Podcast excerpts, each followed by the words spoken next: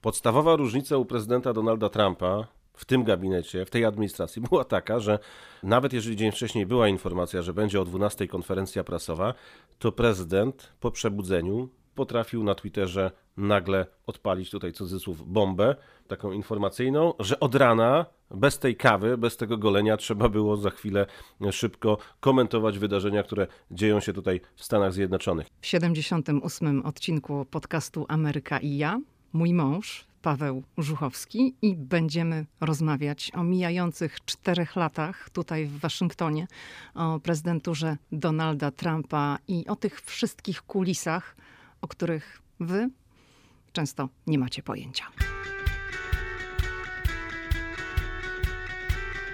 Hej, tu Lidia Krawczuk, dziewczyna ze Szczecina, która wylądowała w Waszyngtonie. Ameryka mnie fascynuje, żyję w niej od ponad dekady i cały czas ją odkrywam. Podróż do Stanów Zjednoczonych była zawsze moim marzeniem. Nie sądziłam jednak, że w Ameryce kiedyś zamieszkam. Jeśli ciebie, tak jak mnie, ciekawią Stany i chcesz wiedzieć o nich więcej, to jesteś we właściwym miejscu. Opowiadam tu o Ameryce, o życiu w Stanach i o tym wszystkim, co odkrywam podczas mojej amerykańskiej przygody. Zapraszam na podcast Ameryka i ja. Zaczynamy.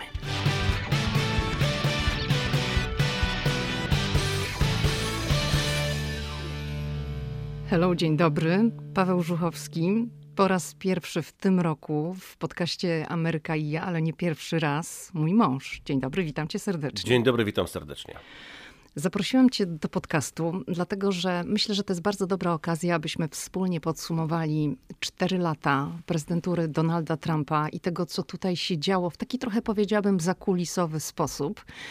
Um, dlatego, że no, słuchacze mają zupełnie inną perspektywę niż my mamy. Raz, że wykonujemy taki, a nie inny zawód. Dwa, że jesteśmy tutaj e, w Waszyngtonie. To może zacznijmy od tego, jaka Twoim zdaniem była ta prezydentura, prezydentura Donalda Trumpa w kontekście pracy zagranicznego korespondenta w Waszyngtonie. I nie, I nie bez powodu mówię tutaj zagranicznego, dlatego że musimy również wziąć pod uwagę różnicę czasu. no to była trudna prezydentura, dlatego że prezydent Donald Trump zerwał ze zwyczajami, które do tej pory obowiązywały w Białym Domu. Dlatego, że mm, choćby za czasów prezydentury Baracka Obamy, to dziennikarze dzień wcześniej otrzymywali dokładną rozpiskę. Teraz też to się dzieje, oczywiście. Mm, tyle tylko, że za Baracka Obamy tej rozpiski się trzymano. E, jeżeli było powiedziane, że konferencja odbędzie się o 12, to ta konferencja o 12 była i dziennikarze mogli sobie zaplanować na przykład dzień. Wiedzieli, że mogą wstać spokojnie, wypić kawę, mm, ogolić się e, na przykład, jeżeli to mówimy o mężczyznach. E, to nie mogą zrobić makijaż. Na przykład, tak. I przygotować się do konferencji prasowej.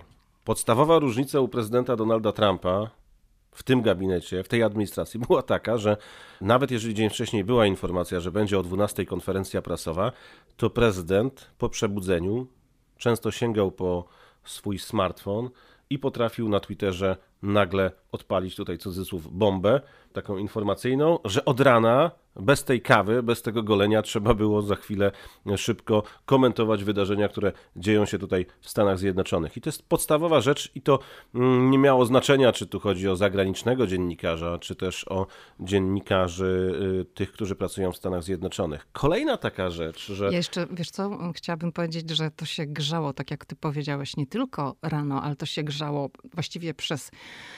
no, może 24 godziny to jest przesada, ale przez często 19 godzin w ciągu doby, bo to było rano, w południe, po południu i często też, e, wiesz, przed zaśnięciem, no, gdzieś przed północą. Czasem dziennikarze się łóżka, śmiali tak? się nawet, że prezydent jeszcze wrzucił tweeta leżąc w łóżku, tak? Po czym zasnął spokojnie, a my musieliśmy pracować. I nie było mowy na przykład o przygotowaniu relacji jakieś wieczorem, powiedzmy o 18 naszego czasu, czyli o północy w Polsce, bo czasem relacje są na żywo, czasem są przygotowywane jeżeli jest to materiał, który można przygotowywać i przygotować i wiadomo, że się nic nie zmieni, to dlaczego tego nie nagrać, tak? E, e, no, zaskakiwał, no, było prawda? ryzyko z przygotowaniem takiej relacji o godzinie 18, bo dwie godziny później, trzy godziny później prezydent Donald Trump mógł wnieść do sprawy tyle nowych rzeczy, że to wszystko zmieniało sens y, i trzeba było pracować ponownie. W przypadku Baracka Obamy on trzymał się raczej takiej zasady, że po tej 16, 17 to już nic się E, nie zmieniało. W takim, mówię, normalnym dniu, tak? No bo przecież były wydarzenia, które się działy, pojawiały się komentarze, ale mm, Barack Obama miał chyba taką zasadę nawet, że kolację to już e, chce zjeść z rodziną. Mm, to samo dotyczyło wyjazdów poza Waszyngton. On starał się mm, e, po prostu mieć popołudnie dla żony i dla swoich córek. Znaczy może nie do końca, bo to mm, czytałam książkę, mm, czytam zresztą to w wywiadach, oni podkreślali, że o 18 musiała być kolacja i, i Michelle Obama wymagała rzeczywiście od swego męża, żeby na tej kolacji się pojawiał. No ale on zapewniał, e, że jeszcze potem schodził z powrotem albo e, do takiego pokoju dedykowanego w Białym Domu, w którym pracował, także on jeszcze pracował, ale te, Tak, tak, ale te, mówimy nie. o kontaktach z dziennikarzami, tak? No i jeszcze tutaj myślę, że musimy również uwypuklić ten fakt, że za poprzedniej administracji Biały Dom kontaktował się z dziennikarzami za pomocą maili i oświadczeń, które mm, były wydawane taką oficjalną drogą, a nie za pomocą mediów społecznościowych. Natomiast prezydent Donald Trump ogłaszał wszystko na Twitterze. Przecież no teraz to już jest niemożliwe, tak? Bo tak. Twitter go zablokował, ale przez cztery lata wszystko leciało no przez Twitter, tak? E, był taki czas przecież, że konferencji prasowych w ogóle nie było, że sala prasowa służyła dziennikarzom tylko w taki sposób, że tam przychodziliśmy, e, siadaliśmy i w zasadzie no, służyło tylko jako biuro. Konferencje prasowe nie odbywały się. Ja jeszcze wspomnę początek prezydentury tutaj w kontekście zagranicznych dziennikarzy. Ja pierwszy raz, zresztą ty też, Donalda Trumpa, zobaczyliśmy na konwencji wyborczej w Cleveland w Ohio. To wtedy on przyjmował mm, partyjną nominację. Tak, I na żywo. Na żywo, tak. Mhm. No i później były wybory. Y, gdzieś tam jeszcze była jakaś jedna czy dwie imprezy, gdzie Trumpa mm, widzieliśmy. Natomiast już po zaprzysiężeniu nagle e, odizolowano w zasadzie dziennikarzy zagranicznych, e, ale także krajowych. Zweryfikowano listę dziennikarzy. Mm, wielu dziennikarzy było przecież atakowanych. Pamiętamy e, te wszystkie wojny prezydenta Donalda Trumpa z dziennikarzami. Mówię specjalnie wojny, bo to były wojny. Przecież Donald Trump uciszał dziennikarzy, mm, kłócił się z nimi w czasie mm, konferencji prasowych no tych na początku banował, w niektórzy nie mieli wstępu. Był, były takie epizody, niektórzy przez jakiś czas mieli w ogóle co cofnięte legitymacje, tak. akredytacje i, i nie mogli wchodzić na teren Białego Domu, bo coś tam w relacji powiedzieli, co nie spodobało się. Mm, tutaj trochę może będzie słychać, ale tak, no, budynek jest... jest w remoncie i tak. ktoś tutaj akurat wziął młotek i teraz. E, no tak, że będziecie uderza. słyszeli tak, tutaj tak. jakieś stuki. No ale... ale to jest, e, no, to się dzieje naprawdę. Tak więc przepraszamy za usterki. Pan postanowił teraz w podłogę uderzać młotkiem. Tak więc e, prezydent Donald Trump prowadził dosyć inne, dziwne, nowe zasady komunikacji z dziennikarzami. Było naprawdę bardzo trudno. Ja pierwszy raz do Białego Domu wszedłem po chyba sześciu miesiącach od inauguracji. Tylko mówimy oczywiście od czasu wyboru Donalda Trumpa na prezydenta. Zaprzysiężenia. Tak? Zaprzysiężenia. Mhm. Zaprzysiężenia, tak. Wprowadzenia tak. do Białego mhm. Domu. To chyba był czerwiec albo lipiec, kiedy pierwszy raz, e, i to nie, że E, akurat e, ja nie dostałem, a inni dostali. Nie, nie, to chodzi w ogóle o dziennikarzy zagranicznych. Dopiero gdzieś w czerwcu czy w lipcu zaczęto zapraszać dziennikarzy zagranicznych, dlatego że to jest tak, że my jesteśmy dziennikarzami akredytowanymi tutaj w Waszyngtonie i na przykład otrzymujemy zaproszenia na różnego rodzaju mm, wydarzenia w Białym Domu, więc e, nawet próbowałem gdzieś interweniować. Pamiętam, wysłałem maila do Centrum Prasy Zagranicznej z pytaniem, czy coś wiadomo, kiedy dziennikarze zagraniczni będą wpuszczani do Białego Domu. Więc ta administracja naprawdę wszystko postawiła na głowie. Ale e, pamiętasz, że Było potem ciężko. też rozmawialiśmy, że trochę to się zmieniło, że później jakby w drugiej połowie, powiedziałabym, tej prezydentury zaczęło przychodzić nawet więcej zaproszeń. Tak, Pamiętasz? tak, tak, tak. Ale już polepszyło się gdzieś tam w tej drugiej połowie roku. I, mhm. i tu był problem właśnie. Ja chyba byłem pierwszym polskim polskim dziennikarzem, który w tym czasie, właśnie w czerwcu czy w lipcu, poszedł do Białego Domu. Po prostu wysłałem e, zgłoszenie i, i rzeczywiście byłem na jakiejś imprezie, ale pamiętam, nagrywałem w innej części Waszyngtonu taką rozmowę z e, Kają Milecką-Plos. To jest pani, która była, która jest przyjaciółką Jana Karskiego, legendarnego kuriera, który pierwszy informował Zachód o Holokauście. Byłem u niej w domu w Waszyngtonie, nawet pokazywała mi, gdzie mm, te ostatnie lata życia spędził właśnie Jan Karski. Nagrywaliśmy jakąś rozmowę i nagle przyszedł mail, że za dwie godziny mogę być w Białym Domu, więc to też druga rzecz jest taka, że za czasu administracji Donalda Trumpa to nie było tak jak za Obamy, że tam powiedzmy dzień wcześniej czy dwa dni wcześniej mhm, dowiadywaliśmy tak. się, że gdzieś będziemy mogli się dostać, tylko bardzo często te informacje przychodziły na ostatnią chwilę, że czasu na przygotowanie było naprawdę mało. I to też mm, powodowało takie zawieszenie, bo na przykład jak wysyłaliśmy chęć uczestniczenia w jakiejś imprezie na terenie Białego Domu i nie było wiadomo, czy otrzymamy wejściówkę, czy otrzymamy akredytację, to też do ostatniej chwili nigdy nie wiedzieliśmy i nie można było zrobić planów innych, no bo się zastanawialiśmy, będzie czy nie będzie. Druga rzecz jest taka, że na przykład e, kiedy już ta sytuacja z zapraszaniem dziennikarzy polepszyła się, e, to na przykład Donald Trump pozwalał na przykład na pytania w gabinecie owalnym. Pamiętam za Baracka Obamy to się zdarzało bardzo rzadko, była też większa dyscyplina. Kiedy wchodziliśmy do gabinetu owalnego, to była decyzja na przykład, że mają być dwa pytania od dziennikarzy. W przypadku, kiedy na przykład był Bronisław Komorowski u Baracka Obamy, to było powiedziane, że jedno pytanie ze strony amerykańskich dziennikarzy, jedno pytanie ze strony polskich. Miało to być umówione i to było wszystko. Nie było czegoś takiego. Jak oglądaliście relacje z Białego Domu za czasów właśnie prezydentury Donalda Trumpa, to po tej pierwszej wstępnej oficjalnej wypowiedzi prezydenta zawsze był taki rumor, wszyscy krzyczeli, po prostu jakiś chaos kompletny. Kto głośniej krzyknął, ten miał szansę, że prezydent na pytanie mu e, odpowie. Jednak u Obamy było trochę inaczej.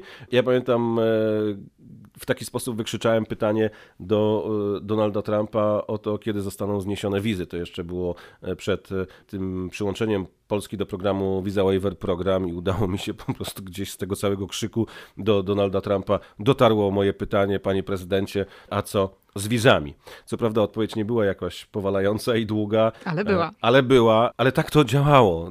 Wiesz co? Jakieś szaleństwo. Jak, jak o tym mówisz, to od razu staje mi przed oczyma taki obrazek, jak e, w gabinecie owalnym jest pełno dziennikarzy, mikrofonów, kamer, bo to wszystko tam wisi nad prezydentem, jego gościem. I za czasów właśnie prezydentury Donalda Trumpa, jak były oficjalne spotkania, to zawsze tam na kanapie siedziała Melania Trump. Jeżeli to była jakaś zagraniczna wizyta, był zagraniczny dygnitarz. Michelle Obama chyba tam nigdy nie siedziała w, przy okazji takich spotkań, prawda?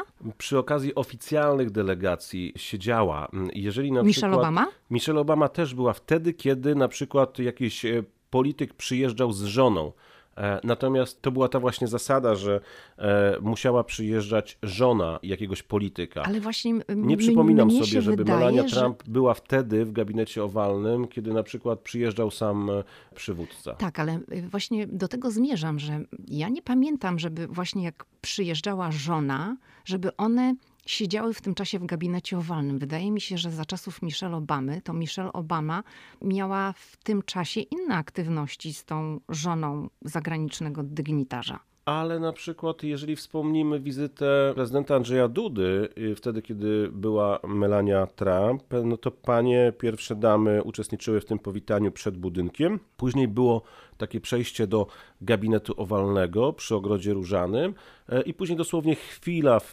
gabinecie owalnym dla fotoreporterów, żeby zrobić sobie zdjęcie. Tak, to ja pamiętam. I tyle. To. I później mhm. i, i w przypadku mm, Melanie Trump e, i e, pierwszej damy Rzeczypospolitej Polskiej. Agaty Dudy. Tak, to one też chwilę później wychodziły. One nie uczestniczyły w tych rozmowach. To mm, mhm. było tylko to kilka minut tak, takie Tak, tylko tak mi się wydaje, że ja nie pamiętam takich scen właśnie z udziałem Michelle Obamy i innej pierwszej damy, czy żony premiera, Możliwe. zagranicznego dygnitarza, żeby one właśnie na chwilę pojawiały się, to taki powiedzmy fotoop, tak? Czyli do zdjęcia. Możliwe pamiętam, e, kiedy przyjechał, zdaje się, mhm, teraz już nie pamiętam, ktoś z przywódców, e, to chyba był Emmanuel Macron, albo Justin Trudeau. Justin Trudeau chyba.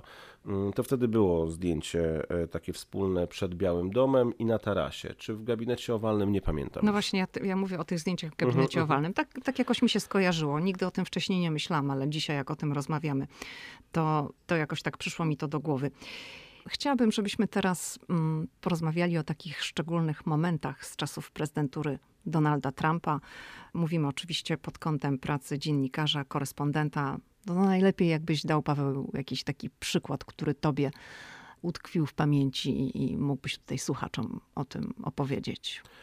To dla mnie rzeczą, którą zapamiętam na zawsze e, z tej pracy w czasie prezydentury Donalda Trumpa, to była możliwość relacjonowania jednego bardzo ważnego wydarzenia. Pewnie się zdziwisz teraz, bo nigdy o tym nie rozmawialiśmy, ale ja to w głowie mam. To był ten moment, kiedy z Korei Północnej przylecieli przetrzymywani obywatele Stanów Zjednoczonych. To był ten moment, początek procesu ocieplania relacji z Koreą Północną. To Jeszcze wtedy, kiedy przed pojechałeś do bazy Andrews, Tak tak, jak oni tak. przylatywali. To jest Mhm. historia nie z Białego Domu, ale z bazy Andrews. E, I to jest e, jeszcze czas e, przed tym pierwszym spotkaniem Donalda Trumpa z Kim Jong-unem. Jak powiedziałem, to nie działo się na terenie Białego Domu. Dziennikarze wieczorem, gdzieś około godziny chyba 18-19, tak pod wieczór, dowiedzieli się, że przyleci samolot do bazy Andrews z zakładnikami, czy z osobami przetrzymywanymi, może tak. e, Baza Andrews to jest tutaj w pobliżu w stanie Maryland. Około ilu? 40 minut jazdy Jakoś samochodem? tak. To Mhm. jest e, ta baza, w której stacjonuje Air Force One, czyli e, prezydencka maszyna, to stamtąd prezydent odlatuje wszędzie tam, gdzie się wybiera i tam do tego miejsca dociera najczęściej mm, śmigłowcem Marine One. I e, to była taka bardzo szybka akcja, bo przyszedł mail z pytaniem, czy chcę wziąć udział w tym i ja powiedziałem, że oczywiście, a, absolutnie. No i gdzieś chyba dwie godziny później już jechałem do bazy Andrews. Tam cała procedura wejścia na teren bazy Andrews, bo to nie jest takie proste. Przewieziono nas autobusami, a później jeszcze kilka godzin czekania. Środek nocy. To było gdzieś nad ranem czasu polskiego pewnie. I ja pamiętam e, właśnie ten moment lądowania tych samolotów. Najpierw przyleciał e, sekretarz stanu, który no, by- był z tą misją w e, Korei Południowej i później oni zostali z tej Korei, z Korei Północnej przekazani. Mm, e, W międzyczasie przyleciał e, śmigłowiec e, Marine 2 z prezydentem, z wiceprezydentem Mike'em Pence'em i jego żoną na pokładzie. Po chwili przyleciał właśnie mm, Donald Trump z, z Melanią, więc to było wielkie wydarzenie, bo wtedy też wszyscy liczyli, że to jest ten moment przełomowy, że dojdzie do jakichś no, przełomowych historii z Koreą Północną. Kim Jong-un straszył świat, y, a tu nagle prezydent y, Donald Trump ma jakieś sukcesy w y, no, tym ym, ocieplaniu relacji z dyktatorem. Jak to się skończyło, no wszyscy wiemy, żadnego rozejmu nie ma, no ale Kim powiedzmy mniej straszy niż straszył. Nie wiem, czy to jest jakaś e, polityczna historia, czy po prostu e, jak wszystko stanęło na głowie w związku z epidemią koronawirusa i, i Kim Jong-un teraz ma większy problem mm, na głowie niż walka ze światem. Więc e, całe szczęście, że, że akurat Kim Jong-un nie straszy świata kolejnymi jakimiś próbami mm, rakietowymi czy nuklearnymi. Ale wracając do tego wydarzenia, e, pamiętam na tym lotnisku na przy pasie startowym e, na podnośnikach rozwieszono wielką amerykańską flagę. Te samoloty w barwach e, no, administracji, bo przecież Air Force One i jest wiadomo w jaki sposób na niebiesko wymalowany, biało-niebiesko. Te samoloty rządowe mają bardzo podobne malowanie. Też jest wszędzie napisane e, Stany Zjednoczone, więc to robiło ogromne wrażenie i w końcu, kiedy te osoby pojawiły się już na płycie lotniska, kiedy no, zaczęli machać do dziennikarzy, no to było coś naprawdę poruszającego. To był taki moment, wtedy czułem bardzo historyczny. Całe szczęście ci ludzie zostali mm, uwolnieni i, i mają się dobrze, a przeszli tam prawdopodobnie piekło. Natomiast y, no, wtedy czułem, że dzieje się historia. Niestety ta historia no nie znalazła takiego finału, jakiego wszyscy oczekiwaliśmy, bo, bo tak jak powiedziałem, te relacje z Koreą Północną no, załamały się i po dwóch spotkaniach, a w zasadzie trzech, bo dwa spotkania były poza Koreą Północną, a później trzecie spotkanie w strefie zdemilitaryzowanej. Wtedy też Donald Trump e, na pograniczu Korei Północnej i Południowej postawił właśnie stopę na ziemi władanej przez dyktatora. No ale później to wszystko się jakoś tam posypało i te relacje się popsuły. Ale tak, to jest ten moment, kiedy będę chyba najbardziej wspominał ten nocny wyjazd do bazy Andrews. Mnie to jeszcze ciekawiło z takiego powodu właśnie, że to jest ta słynna baza Andrews. No przecież ty też w tej bazie byłaś. No, tak. Mhm. Słyszeliśmy o bazie Andrews nieraz, mówiliśmy o niej, przygotowywałaś się w Polsce informacje, że coś się dzieje w bazie Andrews, że prezydent leci z bazy Andrews i nagle człowiek jest w tej bazie Andrews. No i to jest takie, mm, powiedziałabym, dosyć duże przeżycie właśnie w związku z tym, o czym ty powiedziałaś, że wjazd na teren bazy wiąże się z taką dosyć e, intensywną kontrolą, sprawdzaniem, tak? I myślę, że tutaj też jest e, dobra okazja, żeby opowiedzieć o takich kulisach tego typu wydarzeń, czyli oczekiwania na coś, bo to czekanie jest bardzo dużym elementem pracy jak się gdzieś tam właśnie wjeżdża do tego typu miejsc, czy idzie się do Białego Domu. Zawsze trzeba czekać, czekać i czekać. Tak, no, dlatego, że są te procedury związane z, z wejściem. Secret Service musi wcześniej otrzymać wszystkie informacje, jak choćby, nie wiem, skąd człowiek pochodzi, jaką redakcję reprezentuje. I to jest za każdym razem, mimo że człowiek no, chodzi tam dosyć regularnie. Albo są no to... potem nerwy, bo im się tak. system nie zaktualizuje, Było nie ma twojego razy. nazwiska, muszą sprawdzić, trzeba dzwonić. Tam. A to ktoś źle datę urodzenia wpisał i się Tak, nie tak, zgadza tak. z e, Mhm. dokumentami, które człowiek przedstawia przy wejściu na teren Białego Domu. Więc to zawsze się wiąże z tym czekaniem. E, Nawet jak się już wejdzie na teren Białego Domu, to na przykład przy sali prasowej pracownicy biura prasowego mówią, a teraz uwaga, za chwilę będzie wejście do, Ros do Rose Garden, bo tam będzie konferencja prasowa. No i wszyscy lecimy pod te drzwi, e, czekamy tam, aż ktoś da sygnał, otworzy te drzwi i można biec. A potem Jeżeli pół jest- godziny się czeka, nie? a później jest jeszcze jakieś szaleństwo, bo jest tych dziennikarzy tylu.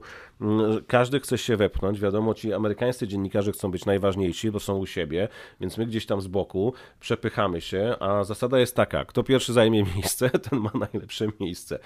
A w związku z tym, że dziennikarzy jest tak wielu, no to dziennikarze przynoszą sobie do Białego Domu drabiny. Tak, nie? Przesłyszeliście się. Drabinę. Ja też mam taką Ale drabinę. też z drabiną tam wchodziliśmy przecież, tak? Tak, tak.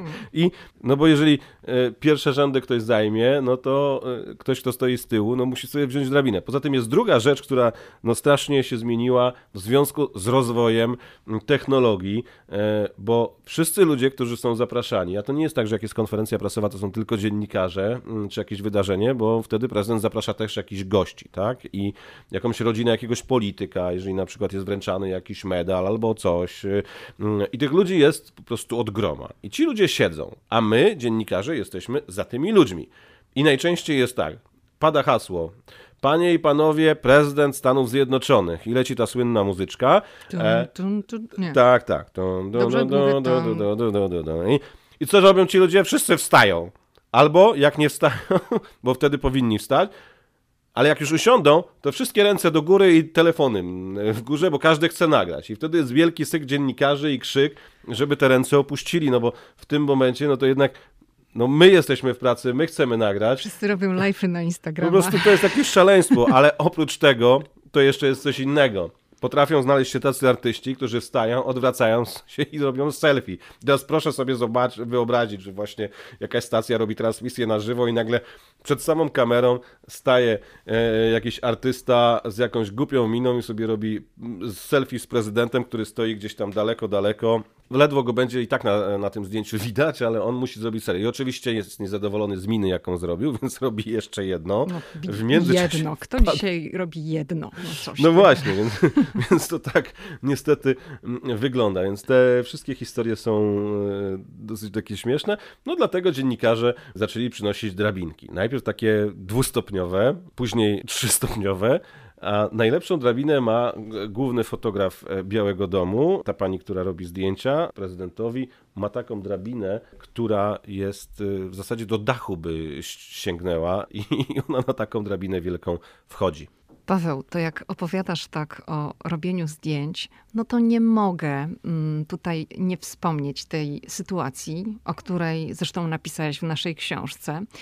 Słynne zdjęcie Donalda Trumpa z prezydentem Andrzejem Dudą. To no, napisałeś o tym w książce, ale powiedz y, o tym tutaj też. Jakie były kulisy tego zdjęcia i w ogóle przypomnij tę całą sytuację. To było przy okazji wizyty Andrzeja Dudy w Białym Domu. No i ciężki dzień, bo przecież tych punktów było wizyty mnóstwo. E, zresztą wizyta trwała wcześniej, były kolejne dni tej wizyty, więc mnóstwo spotkań, nie tylko jakieś rozmowy z prezydentem, więc tego było mnóstwo. E, oczywiście zaczęło się od powitania przed Białym Domem, później był właśnie taki wspólny briefing, takie oświadczenie w zasadzie w gabinecie owalnym. Później jeszcze było podpisanie dokumentów i rozmowy mm, gabinetów mm, przedstawicieli mm, prezydentów. E, no i jeszcze po południu była konferencja, wspólna konferencja prasowa w Istrumie. No i to był naprawdę wyczerpujący dzień. Ja przyszedłem do domu, zrobiłem wszystkie materiały, e, pościągałem zdjęcia, które sam zrobiłem w Białym Domu, opublikowałem je, wysłałem do radia. No i już Położyłem się spać, leżeliśmy w łóżku, no i w zasadzie przed samym snem nagle dostaję maila z Białego Domu. I patrzę, otwieram i własnym oczom nie wierzę.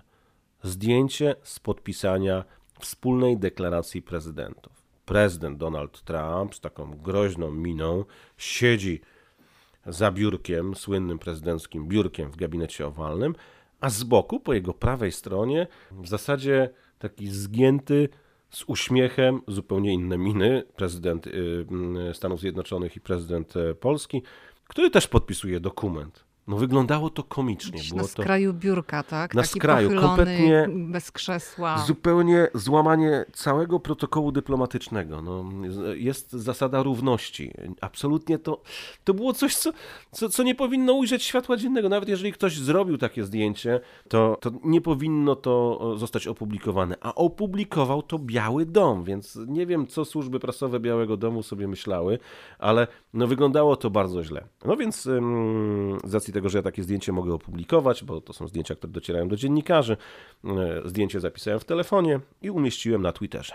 Ale jakby postanowiłem w taki delikatny sposób wyrazić swoje niezadowolenie i napisałem coś takiego, że całe szczęście, że e, Donald Trump e, nieco się przesunął, bo polski prezydent musiałby podpisać dokument na kolanie. Coś takiego napisałem, nacisnąłem opublikuj Wyłączyłem telefon i poszedłem spać. To już było gdzieś przed północą, tak, prawda? Tak, tak, mhm. tak. Rano wstaję, sprawdzam telefon, a tam po prostu jakieś szaleństwo. Ten tweet żyje własnym życiem w Polsce. Komentarze, specjaliści od protokołu dyplomatycznego, oczywiście politycy opozycji, którzy zawsze wykorzystają taką sytuację do tego, żeby komuś tam y, szpilkę w, w, wbić. No ale też ludzie, Polacy, którzy po prostu no, przyjęli to z jakąś taką odrazą. No a po chwili okazało się, że ten tweet z tym moim komentarzem przetłumaczonym na język angielski zaczyna pojawiać się w amerykańskiej prasie. To był, zdaje się, Washington tak, Post, tak, Washington New York Post Times, mhm.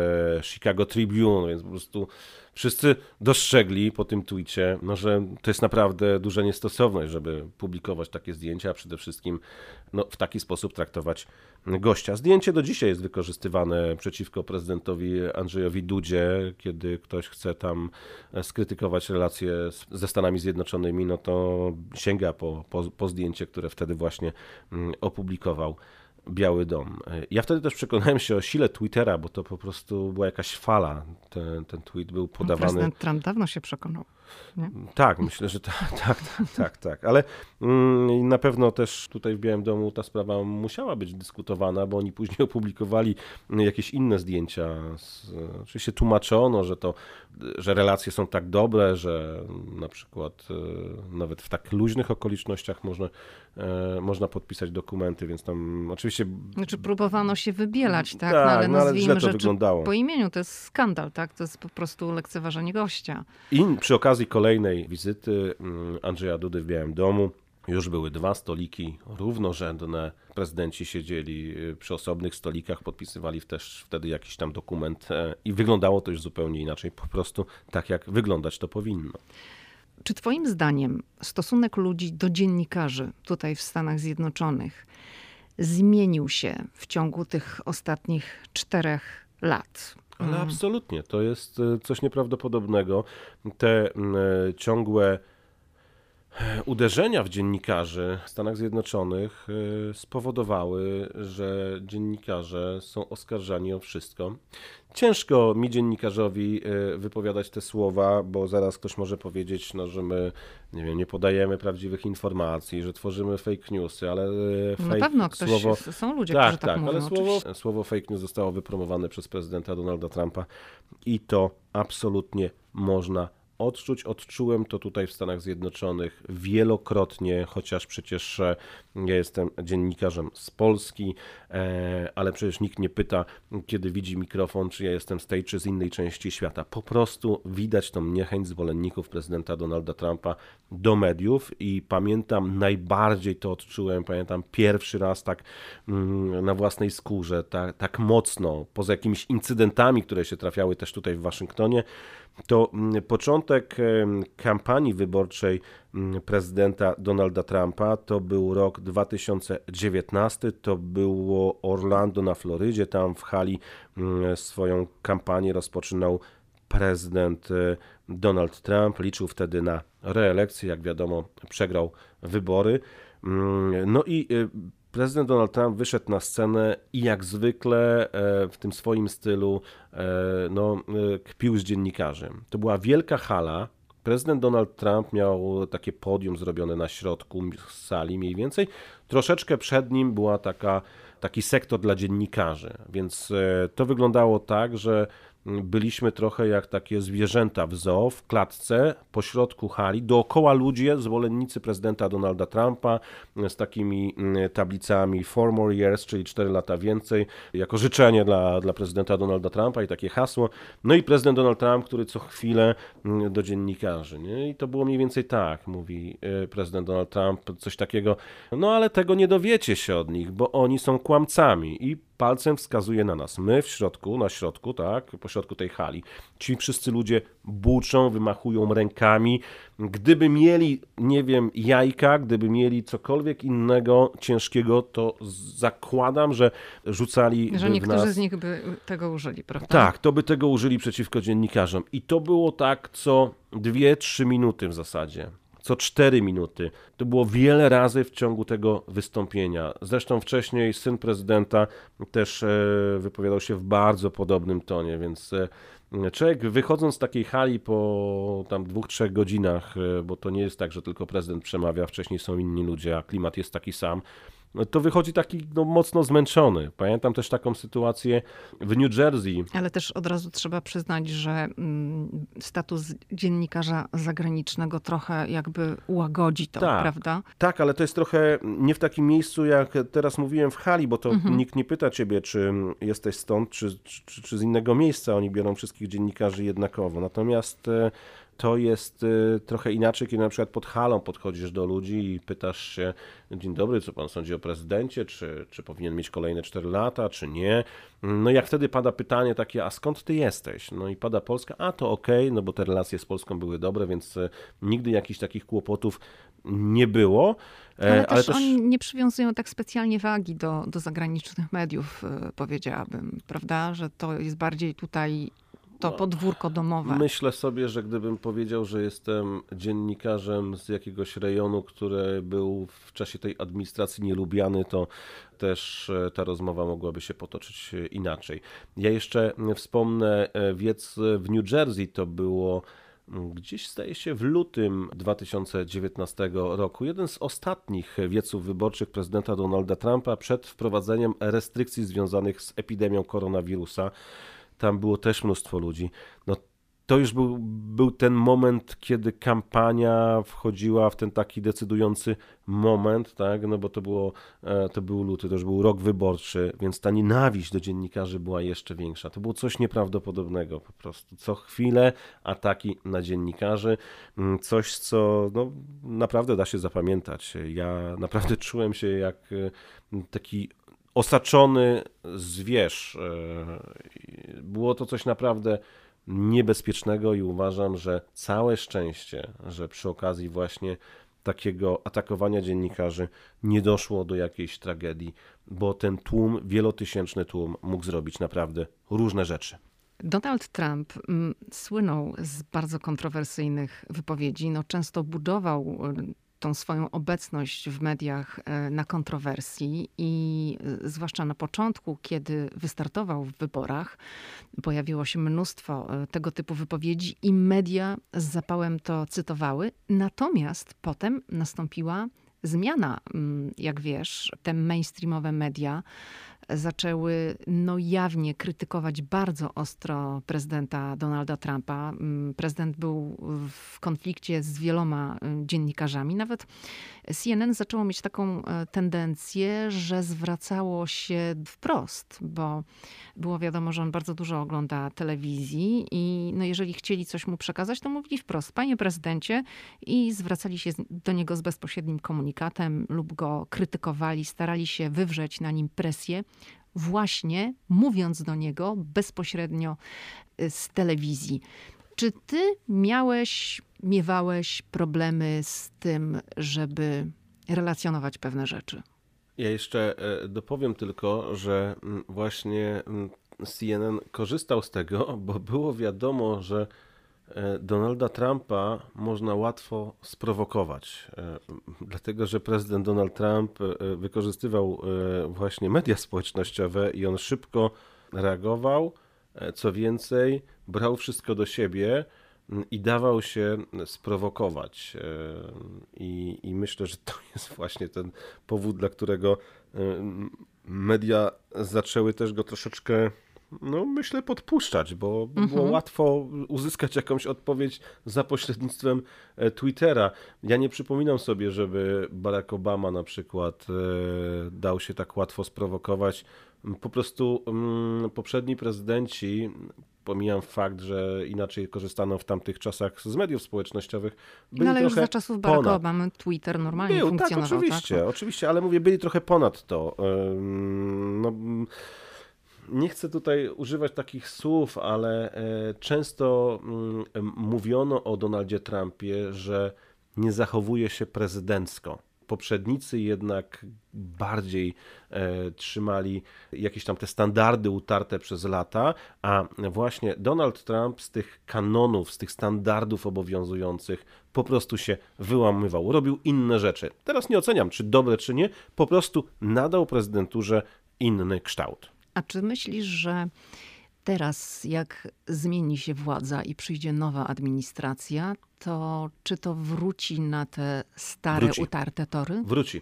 Wróci mhm. dlatego, z prostego powodu. Wróci, jestem pewny, że, że to wróci. Dlaczego? Dlatego, że Donald Trump jest krytykowany za odejście właśnie od tych e, różnych e, utartych ścieżek, od trzymania się zasad. I myślę, że wyborcy Joe Bidena raczej domagają się tego, żeby powróciło to, co dla nich było wcześniej normalne. Tak, tak, tak, ale wiesz co, ja mam na myśli ten sposób komunikowania się, gdzie właśnie media społecznościowe grały taką olbrzymią rolę w przypadku Donalda Trumpa. Nie chcę mówić jego administracji, tylko jego osobiście, gdzie on komunikował się ze swoimi wyborcami i z osobami, które go popierają, ale w ogóle ze społeczeństwem. Jeżeli miał coś do obwieszczenia, no to informował o tym na Twitterze. Na Czy pewno... twoim zdaniem właśnie to się troszeczkę zmieni?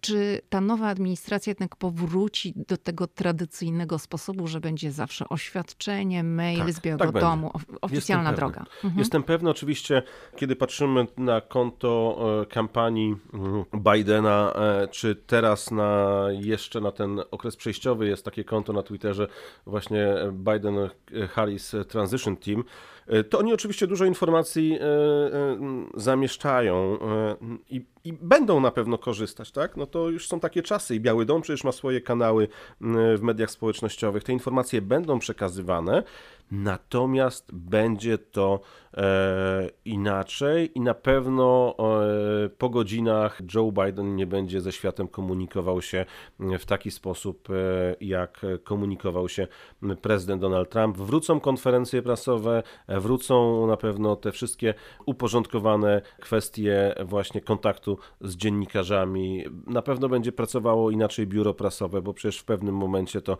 mm, biuro prasowe w Białym Domu wyglądało dosyć dziwnie. Rzeczniczka prasowa się nie pojawiała przez szereg miesięcy. Zresztą tych mm, strasznie ludzi. Dużo zmian było, było tam, strasznie prawda? dużo zmian. To, to wszystko się po prostu jakoś kupy nie trzymało.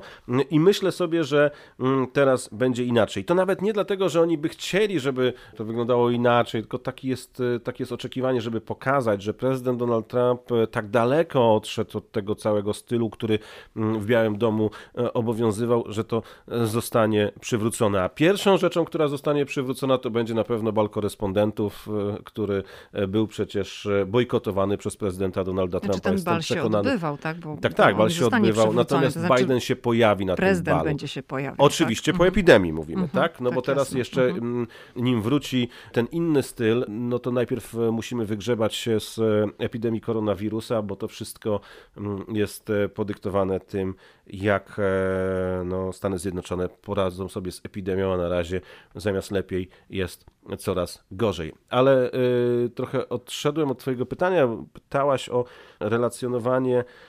Czy były jakieś trudności z relacjonowaniem wydarzeń? Mm, Ciężko mi powiedzieć.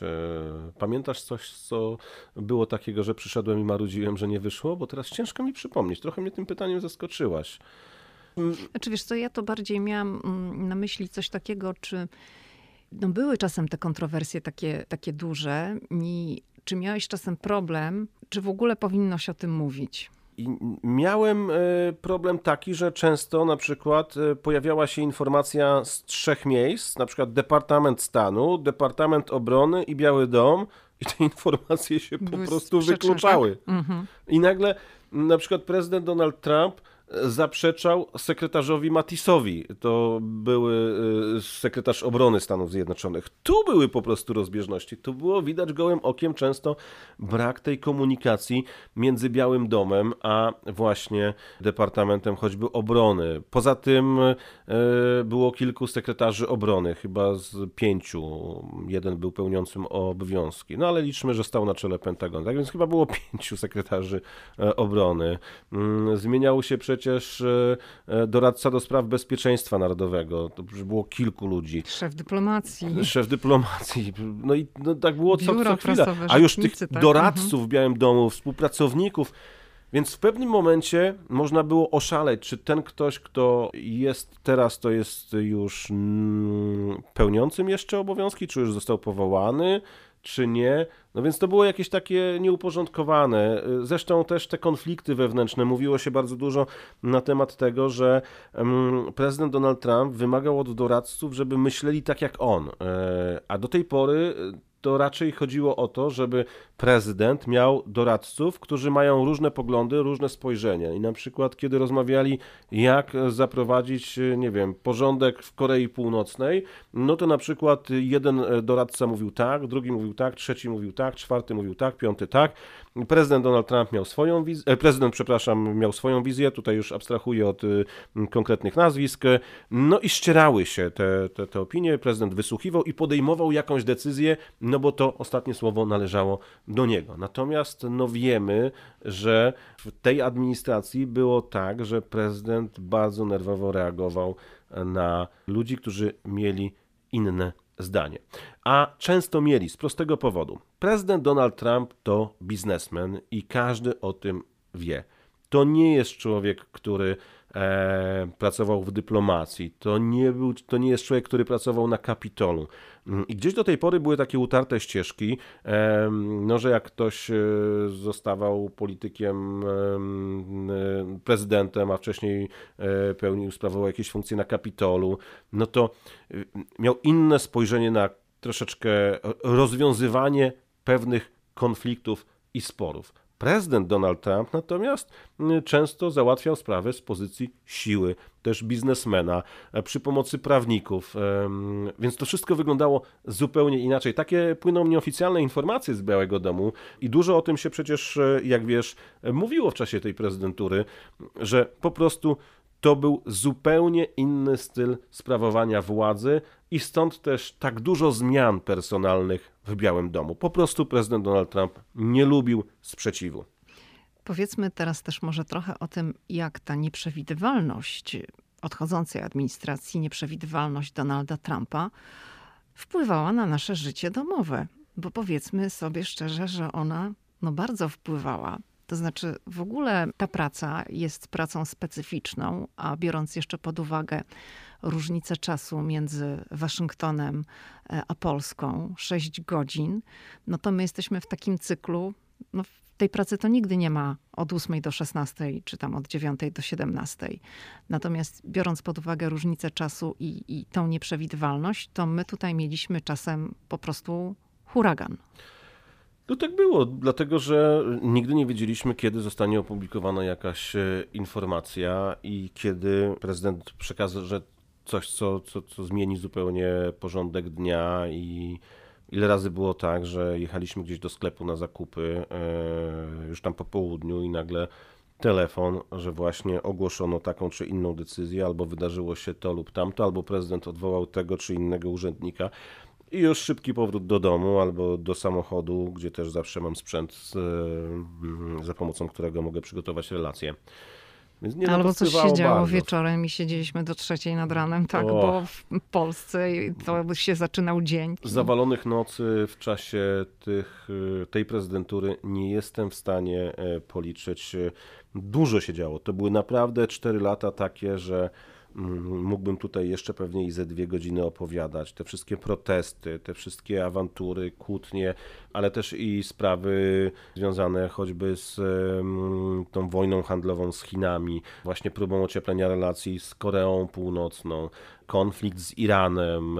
Było dużo rzeczy. Pamiętasz styczeń 2020 roku byliśmy w Szczecinie na urlopie, a nagle świat stanął na krawędzi wojny po zabiciu przecież Sulejmaniego i, i, i naprawdę wtedy to nie wiedziałem, czy mam szybko ze Szczecina jechać do Berlina i wsiadać w samolot i wrac- wracać do Stanów Zjednoczonych, czy co mam robić, czy nadawać z domu, czy jechać do studia w Szczecinie, bo byliśmy akurat w Szczecinie. Ja przecież musiałem komentować te wszystkie wydarzenia, więc to po prostu wiele takich sytuacji było, gdzie trzeba było zmieniać plany. No, zmierzam do tego, żeby powiedzieć, bo mm, czasem tam gdzieś, jak publikujemy jakieś zdjęcia w mediach społecznościowych, gdzieś na Instagramie pokazujemy Stany Zjednoczone pod takim mm, turystycznym kątem, to część osób widzi tylko blaski, widzi podróże. Natomiast y, no, to jest też po prostu ciężka praca, właśnie mm, związana również z takim zaburzeniem totalnym rytmu, z wielką nieprzewidywalnością, no i która wiąże się z taką koniecznością wielkiej, wielkiej elastyczności, która czasem bywa trudna. No, a przede wszystkim wymaga to ciągłego sprawdzania informacji, śledzenia. I to nie jest kwestia tego, że trzeba mieć w domu włączony telewizor, który u nas oczywiście od rana do wieczora jest włączony i tam śledzimy te paski, czy coś nowego się pojawiło, ale teraz to przecież jest konieczność śledzenia Twittera, Facebooka, e, stron różnego rodzaju. No już ile razy było, że coś obiecałem dziecku i nagle na placu zabaw e, przygotowywałem relacje i odchodziłem gdzieś tam dalej i szybko nagrywałem coś, bo coś się wydarzyło. No, ta praca jest ciężka, dodatkowo 6 godzin różnicy, robi swoje e, i no, zresztą sama wiesz, no, że w zasadzie No wiem, bez wszystko- mikrofonu człowiek na się nie rusza. wszystko czasem Tak? stoi. No wiem, wiem. Czasem słyszę, zostaw już ten telefon. No a to jest, to nie siedzę sobie Znaczy, dla tam na mojego męża, to teraz tak troszeczkę będę się z tobą drażniła, ale dla mojego męża to jest zawsze taka wymówka, że za każdym razem, jak on jest, e, jak używa telefonu, to mówi, ale ja pracuję, ja pracuję.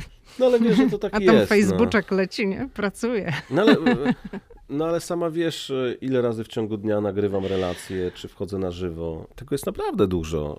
E, To jest no fajna jest praca. bardzo dużo, ale tam na Facebooku też jesteś, nie? No jestem, no jak każdy. No. W zasadzie No, No, czy ja chciałem- wolę Instagram. jedynym człowiekiem, który teraz nie ma mediów społecznościowych, to jest Donald Trump. No właśnie, też powinniśmy o tym powiedzieć. To jest poważna sprawa i ta prezydentura kończy się, no, dramatycznie powiedziałabym. No, no tak, no, szturm na Kapitol spowodował, że właśnie media społecznościowe podjęły decyzję o, o zamknięciu kont prezydenta Donalda Trumpa, o takim izolowaniu jego. Wiele firm e, wypowiada współpracę z e, firmami należącymi do prezydenta Donalda Trumpa. Ja bym chciał tylko uniknąć dyskusji tutaj z Tobą, jeżeli mogę, bo mm, to zawsze w ostatnich dniach do tego zmierzę.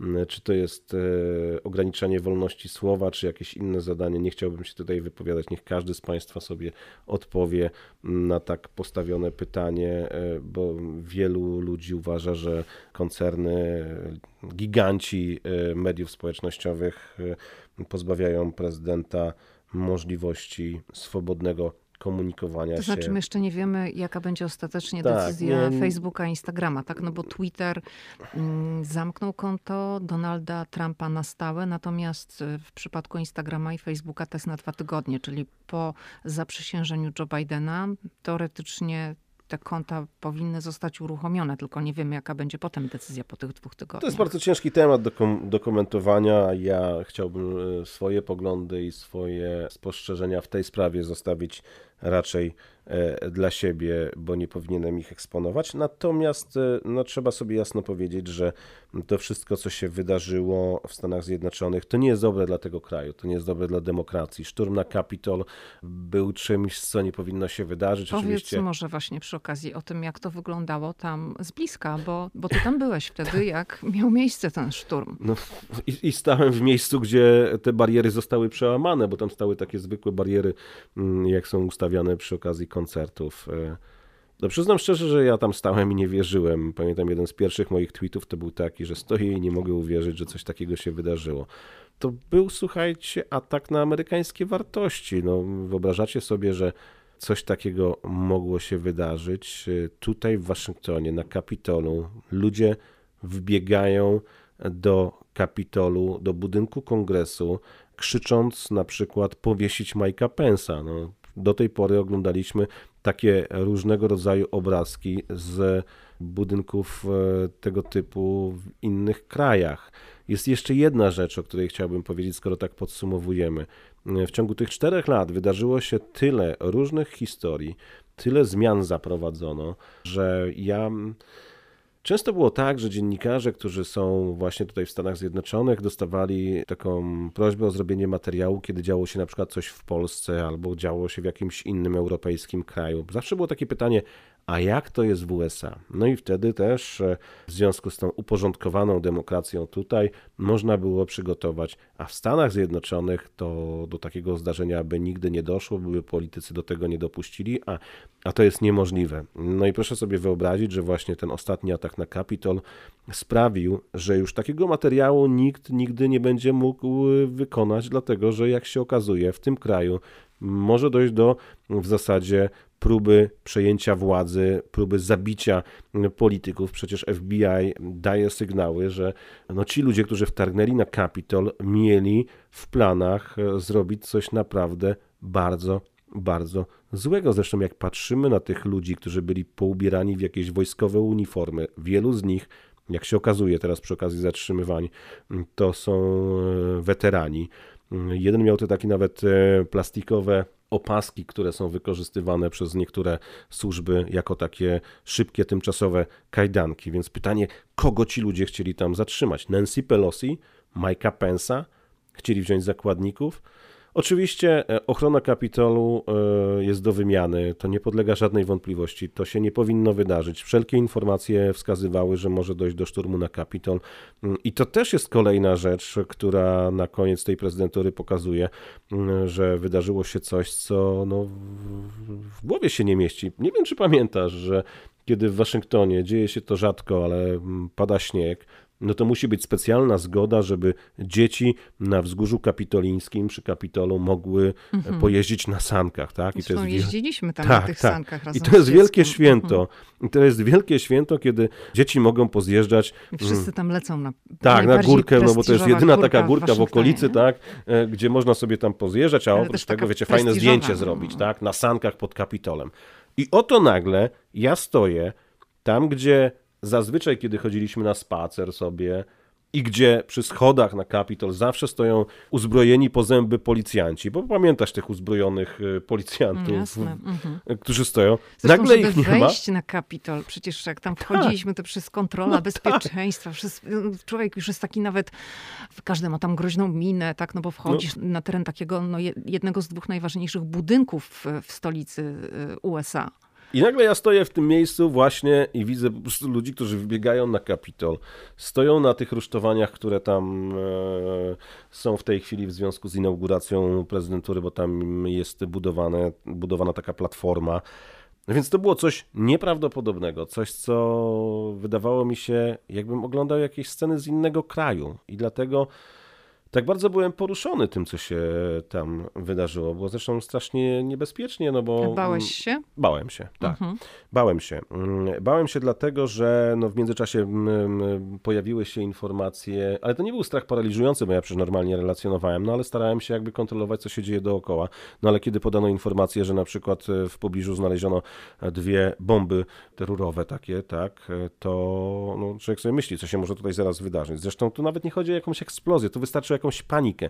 To był wielotysięczny tłum, który no, mógł zachować się w różny sposób, tak? A oprócz tego, no przecież też e, wiadomo, że policja użyła gazu, tak? To oczy mnie piekły, e, w gardle drapało. Ja oczywiście nie dostałem tym gazem bezpośrednio, e, ale, ale no, w okolicy czuć było ten gaz i, i fajnie nie było, tak? No druga rzecz, która się wydarzyła też, to te protesty z ubiegłego roku przed Białym Domem, antyrasistowskie, które odbywały się. Przecież wtedy też na ulicach Waszyngtonu płonęły samochody, Mhm. wybijano szyby w sklepach, niszczono Tylko, że to się działo pomniki. na ulicy, a nie na ulicy, tak, budynku, tak. tak? Ale rządowego. to mówię o wydarzeniach, które no, wydarzyły się tutaj w ciągu tych ostatnich lat, których pamiętasz e, wcześniej tutaj w Waszyngtonie nie było. Ja pamiętam po mm, tym, jak wygrał wybory Donald Trump. No to e, w Nowym Jorku było dużo protestów, Tak, gdzieś tak, tam się one tak, też odbywały tak. w innych miastach, Tak, ale, ale to ja jednak była trochę odnosząc się do skala, nie? Waszyngtonu, to byłem chyba następnej nocy tutaj przed Białym Domem, to była grupka, tam może kilkudziesięciu osób, one sobie tam pokrzyczały, pochodziły. No i to w zasadzie było wszystko, tak? Natomiast te ostatnie cztery lata, tak mówiąc, no bardzo mnie zmęczyły. Dlatego, że działo się tyle rzeczy, tyle różnych historii. No w ciągu roku kilkukrotnie właśnie, nie wiem, dostałem gazem, musiałem się z tym mierzyć, przygotowywać relacje A Czy dostałeś gazem dlatego, że byłeś w centrum wydarzeń, no tak? no tak, no ale to tu nie ma, jeżeli policja używa gazu, to dziennikarze, no chyba, że ktoś w masce chodzi, no ale to no, nie chodzimy w maskach, tak? Więc to Znaczy, w maseczkach chodzimy, Paweł. W maseczkach tych takich zwykłych w związku z epidemią. Mhm. No tak, ale nie mówię, że nie chodzę w masce takiej, e, która by mnie uchroniła przed uderzeniem gazu, bo e, w masce przed Kapitolem ja też byłem. Ten cały tłum w większości nie miał masek przed Kapitolem, więc ja tym bardziej miałem maskę. Zresztą w tej chwili jest obowiązek noszenia maski w, w Waszyngtonie, no chyba, że uprawia się sport. No, sportem ten szturm nie był, więc mm, ja respektując prawo maskę miałem, ale taka maska kompletnie nic nie daje. Ona jest na ustach, na nosie, a, a mm, oczy są, nie są chronione, więc to jest. No, no wydarzyło się naprawdę mnóstwo rzeczy. Można byłoby napisać y, niezłą książkę z e, tych czterech lat e, obsługi dziennikarskiej właśnie. Będziemy Y, pisać kolejną, to znaczy już zaczynamy, tylko No że tak. mm, może nie do końca o tym. prawda? No tak, ale spokojnie o tym też można byłoby napisać, bo naprawdę wiele się wydarzyło. Rzeczy, o których bym na pewno nie pomyślał, że w Waszyngtonie, to już nawet nie chodzi czy za tego, czy za innego prezydenta, no, po- no nigdy bym nie pomyślał, że może dojść do szturmu na Kapitol, bo Kapitol mm, jest y, takim ważnym miejscem dla Amerykanów. Zresztą, kiedy popatrzymy teraz na mm, wyniki sondaży y, przeprowadzonych w ostatnich dniach, no to wynika z nich, że prawie 90% Amerykanów potępia ten szturm na Kapitol. Czyli to jest po prostu coś, z czym Amerykanie się nie zgadzają. To nie jest coś, co im się podobało.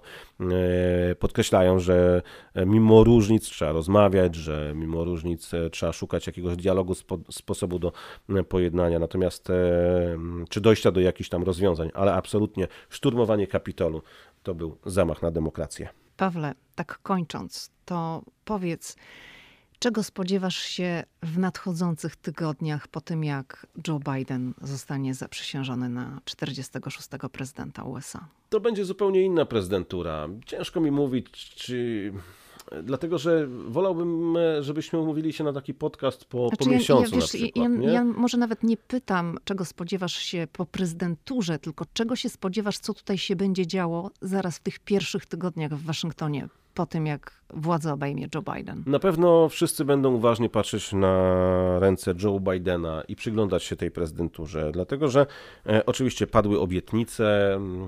Joe Biden w tej chwili przechodzi z tego takiego, z trochę takiej komfortowej sytuacji, kiedy może krytykować, mówić, a to jest źle, a to jest źle. Teraz będzie czas, kiedy będzie musiał działać, a ma naprawdę bardzo trudną sytuację.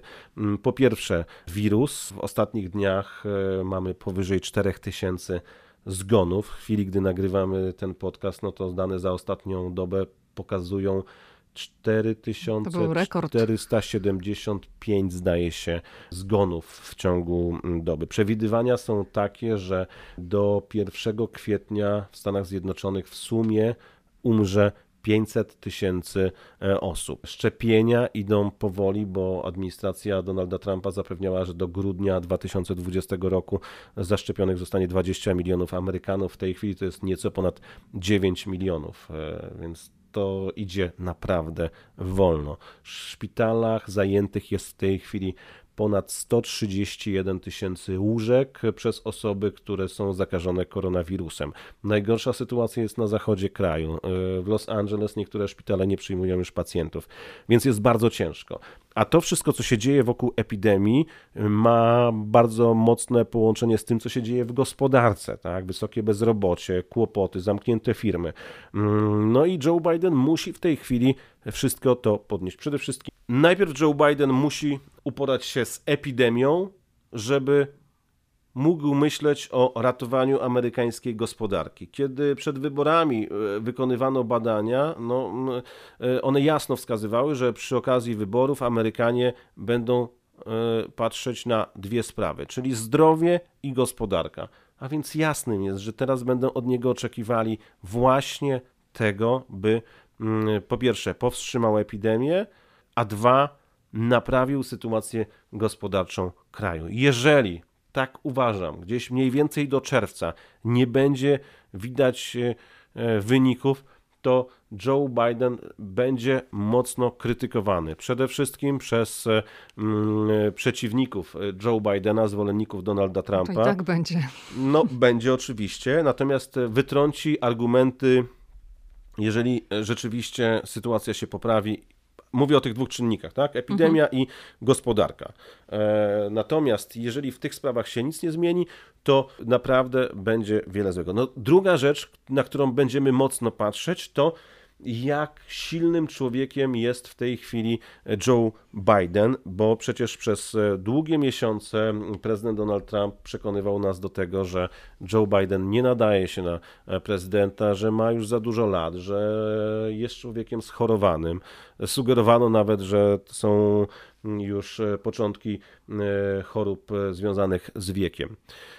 Więc Biden teraz będzie musiał pokazać się jako silny przywódca, który po pierwsze naprawi gospodarkę, uleczy e, Stany Zjednoczone, no i e, będzie w stanie kierować tym krajem. Jeżeli tego nie zrobi, to uważam, że mniej więcej od połowy roku zacznie spadać poparcie dla niego. No i jeszcze jedna rzecz, o której nie możemy zapomnieć, ma młodą, energiczną wiceprezydent, która, no, mówi się nieoficjalnie, szykowana jest nawet na mhm. prezydenta jak bardzo mm, ona będzie w tej administracji eksponowana, czy będzie tak jak do tej pory, że wiceprezydent będzie tam sobie różne rzeczy robił, no, ale Joe będzie Biden zapowiadał, że ona będzie, że ona będzie no, uczestniczyła no, no, we Musimy zobaczyć, tak? To jest cały czas mówię. procesie Jeżeli... decyzyjnym i tak dalej. Więc zobaczymy, jak ta administracja mhm. będzie wyglądać. A też będziemy patrzeć, jak będzie wyglądała nasza praca. A ja chciałbym przede wszystkim troszeczkę e, uporządkowanego stylu, bo nie życzę sobie mniej wydarzeń, bo Mhm. my przecież z tych wydarzeń no, żyjemy, no, relacjonujemy, możemy opowiadać. Znaczy, my to lubimy, tak? No bo lubimy, Lubimy, naszą tak? pracę. Ja nie chcę tylko- nudnej prezydentury, ja Mhm. chcę ciekawą prezydenturę i chciałbym, żeby się dużo działo, ale oczywiście, jeżeli mm, będę mógł pracować na przykład od godziny W bardziej przewidywalnych bardziej przewidywalnej, tak, nie obrażę się, Mhm. jeżeli na przykład po 18 będzie już spokój. Paweł, bardzo ci dziękuję. Przyjdziesz jeszcze kiedyś do mojego podcastu? Mm, Zastanowię się. Nie wiem, czy twoi słuchacze chcą słuchać. Chcą, chcą, Nie. bo bo nawet dostaję takie wiadomości, że lubią, jak nagrywamy wspólnie podcast. To bardzo mi miło. Bardzo ci dziękuję. Ja Paweł również. Żuchowski, mój mąż, korespondent radia RMF w Waszyngtonie, był gościem 78 odcinka podcastu Ameryka i ja, a my słyszymy się jak zwykle za tydzień we wtorek. Do usłyszenia. Do usłyszenia, bardzo dziękuję i pozdrawiam.